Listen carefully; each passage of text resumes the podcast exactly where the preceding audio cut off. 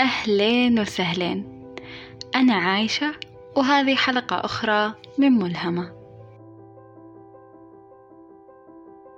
Expectations بالإنجليزية و expectativas بالأسبانية وبيكلانتلار بالتركية.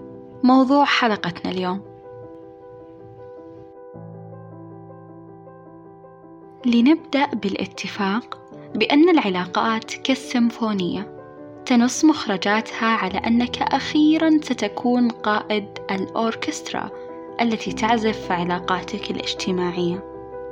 وتسمعك إياها بالطريقة التي اخترت أنت أن تسمعها بها. وللحياة طبع لن تتنازل عنه فطبع حياتنا النقص وحالها حال ما عليها من عدم الكمال. ومن جميل ما قال عطا عبد الوهاب في هذا الحياة فرح ملوث ولو كانت فرحا خالصا لصارت تافهة كالعبث. فقطرة التلويث في الحياة هي من يبرز نقاءها ولكن الأمر العصيب حين تكبر القطرة في الكأس ويعم التلوث. وتبقى الحياة حياة ويظل من واجبنا الارتشاف ولو من جفاف ملوث. لذا يجب علينا أن نتعامل مع الدنيا على أساسها. أساس النقص في كل شيء. الأساس الذي يهذب توقعاتنا تجاه الأمور والأشخاص في حياتنا الناقصة. في كل علاقة بعد أن تنحل أكثر شفرات البداية صعوبة تبدأ التوقعات من كلا الطرفين بالطفو على السطح. تبدأ من توقع الرد وتنتهي إلى توقع الاهتمام، الحب، الاستماع، المبادرة. لذلك سيطول تحدثنا عن التوقعات.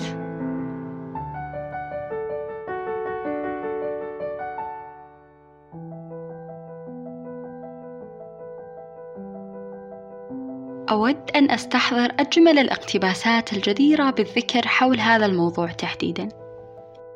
في كتاب السماح بالرحيل صفحة 292 قال دكتور ديفيد هاوكنز عندما نضغط على الآخرين من أجل الحصول على ما نريد فإنهم يقاومون ذلك تلقائيا وذلك لأننا نحاول الضغط عليهم وكلما ضغطنا أكثر قاوموا أكثر وعلى الرغم من أنهم قد يخضعون لطلباتنا بسبب الخوف إلا أنه لن يكون هناك قبول داخلي وسنخسر ما أخذناه في وقت لاحق.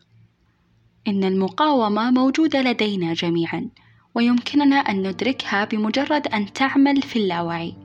غير أننا نتجنب هذا الإدراك من خلال الأعذار والتبريرات التي تبدو ظاهريا بأنها معقولة.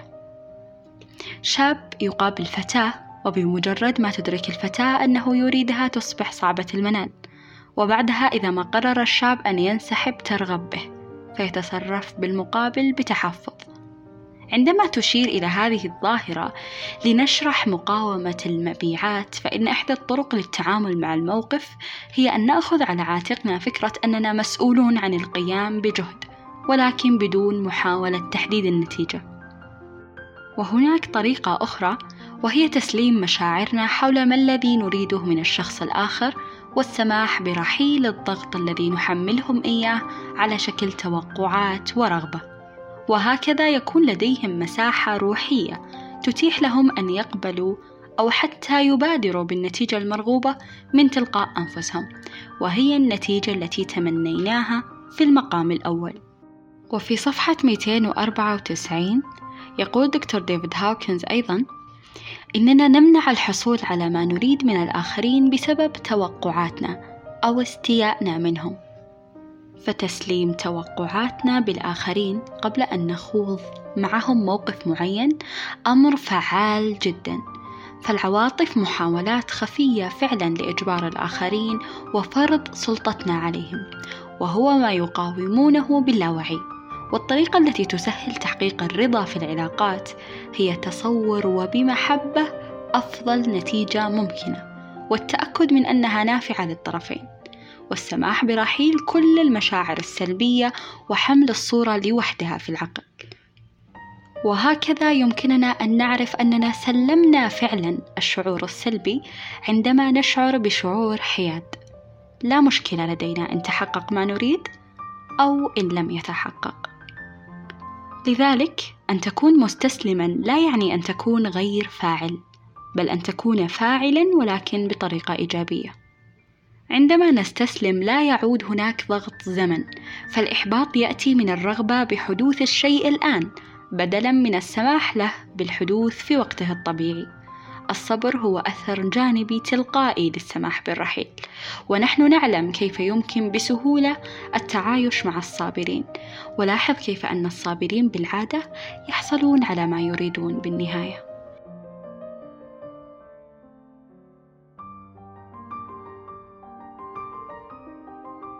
إذا الجزء اللاواعي منك يلقي بتوقعاتك على عاتق المتوقع منه حملا ثقيلا.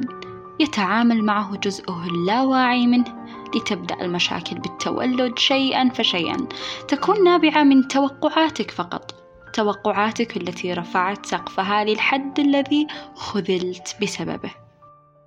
لكي لا نكون ممن يتجرع الحياة ولا يعيشها لا داعي بأن نأخذ ثم نتوقع ما سنأخذه لاحقا.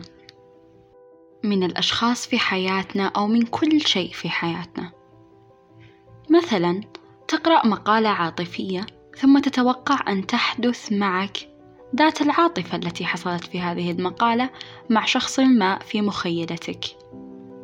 شخص لم يقرأ المقالة العاطفية التي استلهمت منها توقعاتك.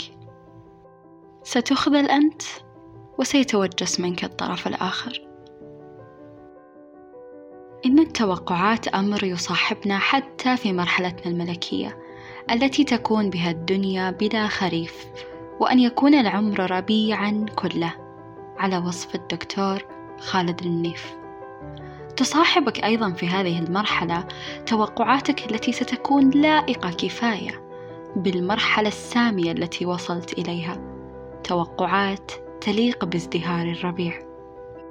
هي بمثابة الأفعال ولأن لكل فعل رد فعل فعائد التوقعات علينا فوري كردات الفعل. وتذكر بأن ليس كل ما يحل بك يجب أن يكون ضمن توقعاتك. بل وهذه الفكرة ستجعلك تتوقع الأمور التعجيزية التي لا تترك خيارا أمام الطرف الآخر غير الانسحاب.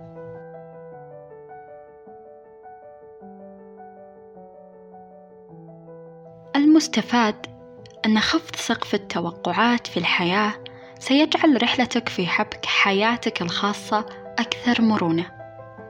لذا اخفض سقف توقعاتك للحد الذي يجعلك ساكنا في منطقة الأمان. أن يكون عليك الأمان من الخيبات.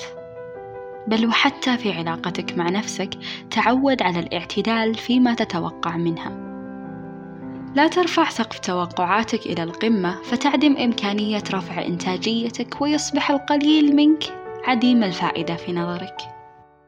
خففوا الحمل والعبور.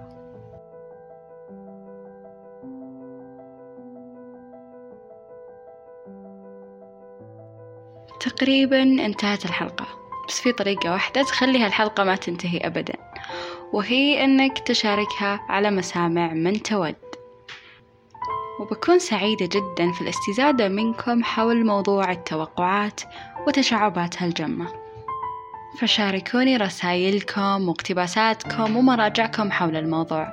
وشاكرة لكم حسن استماعكم. دمتم سالمين.